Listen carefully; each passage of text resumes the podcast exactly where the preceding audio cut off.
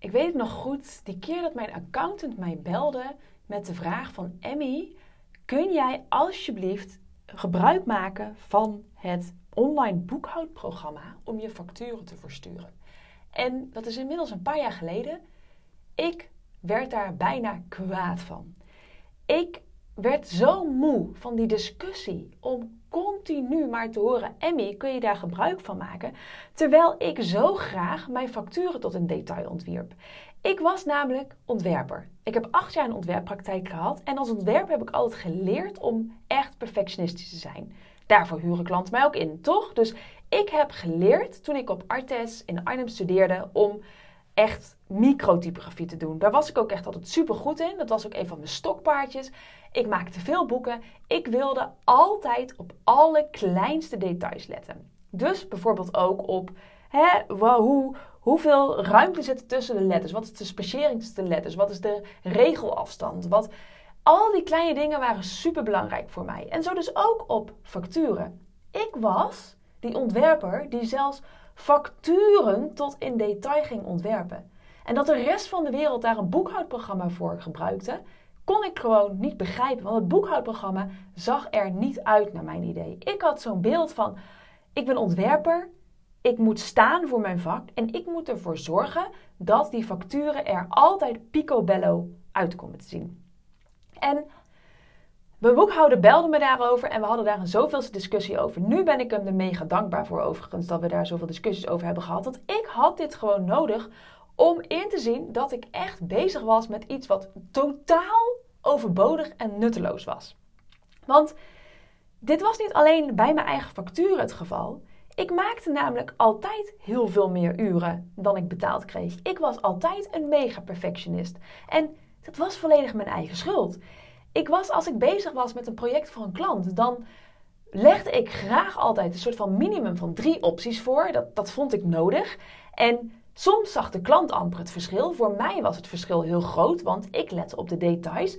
Vaak ging het gesprek dan niet eens meer over de, het, daadwerkelijke onder, het daadwerkelijke onderwerp, over het concept, maar ging het gesprek echt alleen nog maar over de details. Wat helemaal niet de, de focus moest zijn van die eerste presentatie. Ik kon de klant dus niet helpen met keuzes maken, want alles leek op elkaar en die klant zag het niet.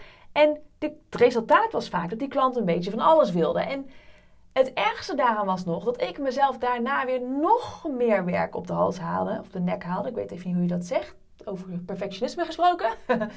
Waardoor ik alleen maar meer bezig was met meer uren maken, meer doen, continu door, door, door, door, door. En ik maakte onwijs lange dagen. Ik had amper weekend. Ik werkte iedere avond. Ik heb zo vaak tot drie uur s'nachts zitten werken.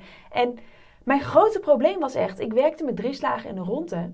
En ik trok alleen maar mierenneukers aan. En in verhouding werd ik ook nog heel slecht betaald. Ik legde de lat echt onwijs hoog voor mezelf, mega hoog. Ik kreeg daar heel veel stress van. En ik trok dat op een gegeven moment niet meer. Ik, ik had voor mezelf een enorm plafond gecreëerd qua groei. En dit moest anders. En dat is waar deze aflevering van de Maak van je passie werk podcast over gaat in de Perfectionisme Week. Want dit gaat namelijk echt over details en deadlines. En daar kom ik meteen op het stuk deadlines. Want deadlines is iets moois. Op het moment dat jij als creatief persoon bezig bent en je, je kunt jezelf helemaal verliezen in een fantastisch mooi project, dan weet jij ook dat het project pas af is als de tijd op is. En ik trok dat op een gegeven moment niet meer. Ik was mijn eigen baas, ben nog steeds mijn eigen baas. Ik heb, ben degene die mijn eigen regels maakt. Ik ben degene die zelf verantwoordelijk is voor mijn urenindeling. En ik trok niet meer. Ik dacht op een gegeven moment, hoe doen anderen dit? Hoe doen ze dit bij grote ontwerpbureaus? Hoe zorg je ervoor dat alle details kloppen? En tegelijkertijd niet te veel tijd stopt in mierenneuken op dingen die een ander toch niet ziet. Waar ik overigens ook niet voor betaald krijg. En ik weet dat er twee kampen zijn hierin. Hè? Want dat is ook wat ik altijd op Artis heb geleerd. Van zorg ervoor dat alle details kloppen. Het is mijn verantwoordelijkheid als ontwerper dat al die details kloppen. Ehm, het is mijn, mijn rol, mijn taak. En het is ook iets wat andere ontwerpers ook weer kunnen zien. Dus het was ook een soort van: ik wil mijn eer hoog houden. Ik wil ervoor zorgen dat ook als andere ontwerpers dit zien, dat ze ook zien van wow, dit is helemaal goed. Ik had zelfs een docent die met de hand hele boeken microtypografeerde. En toen ik op Artest zat, keek ik daar enorm tegen op. Toen dacht ik echt, wow, life goals dit. Dit is dus hoe je een goede ontwerper bent. Wat ik toen niet wist, is dat je niet op die manier een bedrijf kunt runnen. Dat je niet op die manier ervoor kunt zorgen dat jij projecten afrondt binnen een tijd, binnen een hoeveelheid tijd waar je voor betaald krijgt. En ik ben op een gegeven moment een andere focus gaan maken binnen mijn ontwerppraktijk. En pas toen ik dat deed, toen ging mijn ontwerppraktijk groeien. En ook hier weer ben ik me gaan focussen op het doel. Dus ik ben mezelf af gaan vragen: wat wil, als ik een project had, wat wil deze klant hiermee bereiken? Wie spreken we aan? Welk medium past daarbij? En hoe pak ik de expertstatus hierin? Ik pak hier niet de expertstatus in door urenlang te praten over allerlei kleurschakeringen en opties en hoe die bij elkaar passen. Die klant is daar uiteindelijk niet in geïnteresseerd. En ik pak ook niet mijn expertstatus hierin door te gaan praten over die kleine ruimtes tussen typografie. Tuurlijk kan ik ze terloops noemen tussendoor om aan te geven dat ik daar ook op let. Maar uiteindelijk haal, huurt die klant mij in voor het gehele plaatje, niet voor dat kleine dingetje. Dus ik ben gaan denken van hoe kan ik veel meer een soort van helikopterview pakken en mijn daadwerkelijke kracht naar voren laten komen. En mijn daadwerkelijke kracht lag in veel meer dan alleen maar letten op details. En ik weet zeker dat jij dit ook herkent. Jij kunt veel meer dan alleen die details. Alleen is het een soort van veilig en vertrouwd om jezelf te gaan verliezen in die details. En nogmaals, een project is pas afgerond bij perfectionisten op het moment dat die deadline daar is. Ik herkende hem ook. Pas als die deadline af was, als ik echt te moe was, omdat het alweer drie uur s'nachts was en ik daar niet mee verder kon omdat ik de volgende dag een presentatie moest doen, dan stopte ik. Dus als jij je wil verliezen in details, be my guest. Maar als je niet genoeg verdient als ondernemer, maar of als je aan het eind van de dag denkt van kak, ik heb helemaal niet zoveel gedaan, dan gaat er echt wat mis. Dan kun je beter scherp zijn op wanneer je jezelf toestemming geeft om jezelf te verliezen in details. En ik hoor je denken, Waar ligt die grens? Wanneer mag ik me verliezen in details? Want ja, tuurlijk is het belangrijk om even terug te grijpen op de vorige aflevering dat het geluid goed is, want je luistert naar een podcast. En natuurlijk is het belangrijk dat je met een presentatie ervoor zorgt dat die presentatie er goed uitziet. Absoluut waar. En dit heeft ook te maken met een stuk efficiënt werken. Daar ga ik nu niet diep op in. Maar je kunt natuurlijk altijd systemen maken voor dat soort dingen. Zodat je niet iedere presentatie opnieuw hoeft te ontwerpen. Dat je een template hebt voor offertes. Zodat je template, werkt met templates die gewoon kloppen, waar je één keer goed naar kijkt. En die je daarna continu uit kunt voeren. Ik heb zelf bij mezelf echt ook op een gegeven moment een regel gemaakt van als ik iets drie keer heb gemaakt, gedaan, drie keer dezelfde handeling even heb gedaan, of het nou een mail sturen is, of het nou gaat over iets instellen, of het nou gaat over een offerte opstellen, of het nou gaat over een stuk typograferen. Als ik iets drie keer heb gedaan, automatiseren. En dat stukje automatiseren heeft mij heel veel geholpen in meer tijd overhouden voor andere dingen totdat de deadline daar is. En doordat ik kon, dingen kon automatiseren en doordat ik op een gegeven moment heb gekozen wanneer ik mezelf wilde verliezen in perfectionisme, sorry, verliezen in details en in perfectionisme, kon ik ervoor zorgen dat ik productief bleef, dat ik kon leveren en dat ik niet meer uren maakte dan nodig. Want er is niks mis mee als je perfectionistisch bent. Het hoort alleen niet bij het krijgen van klanten, bij het runnen van een onderneming, etc. Dus kies wanneer je jezelf de toestemming geeft om op details te focussen.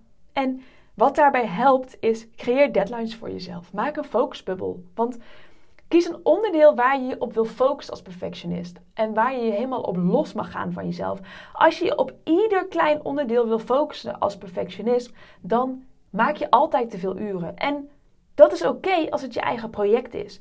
Maar dat is niet nodig op het moment dat je ook iets kunt leveren aan een klant waar die klant al onwijs blij mee is, terwijl jij ervoor, terwijl je voor jouw gevoel nog heel veel beter kan. En dit heeft ook vaak met een soort van, um, uh, nou ja, 80%, 100% te maken.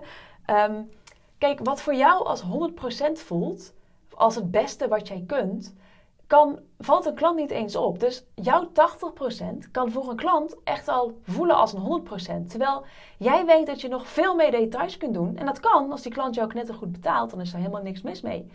Maar weet dat die 80% vaak ook goed genoeg is. Dus je mag wat vaker bij jezelf denken: dit is goed genoeg. En wat mij daar altijd heel erg mee heeft geholpen is als ik een focusbubbel maak. Dus ik zet een timer, letterlijk. Ik kies ervoor wanneer ik me focus op details. Op het stuk bijvoorbeeld typografie, wat ik altijd heerlijk vind. Dat is ook echt een van de dingen waar ik altijd echt in uitblonk. En nog steeds vind ik hartstikke leuk. Dan zet ik een timer.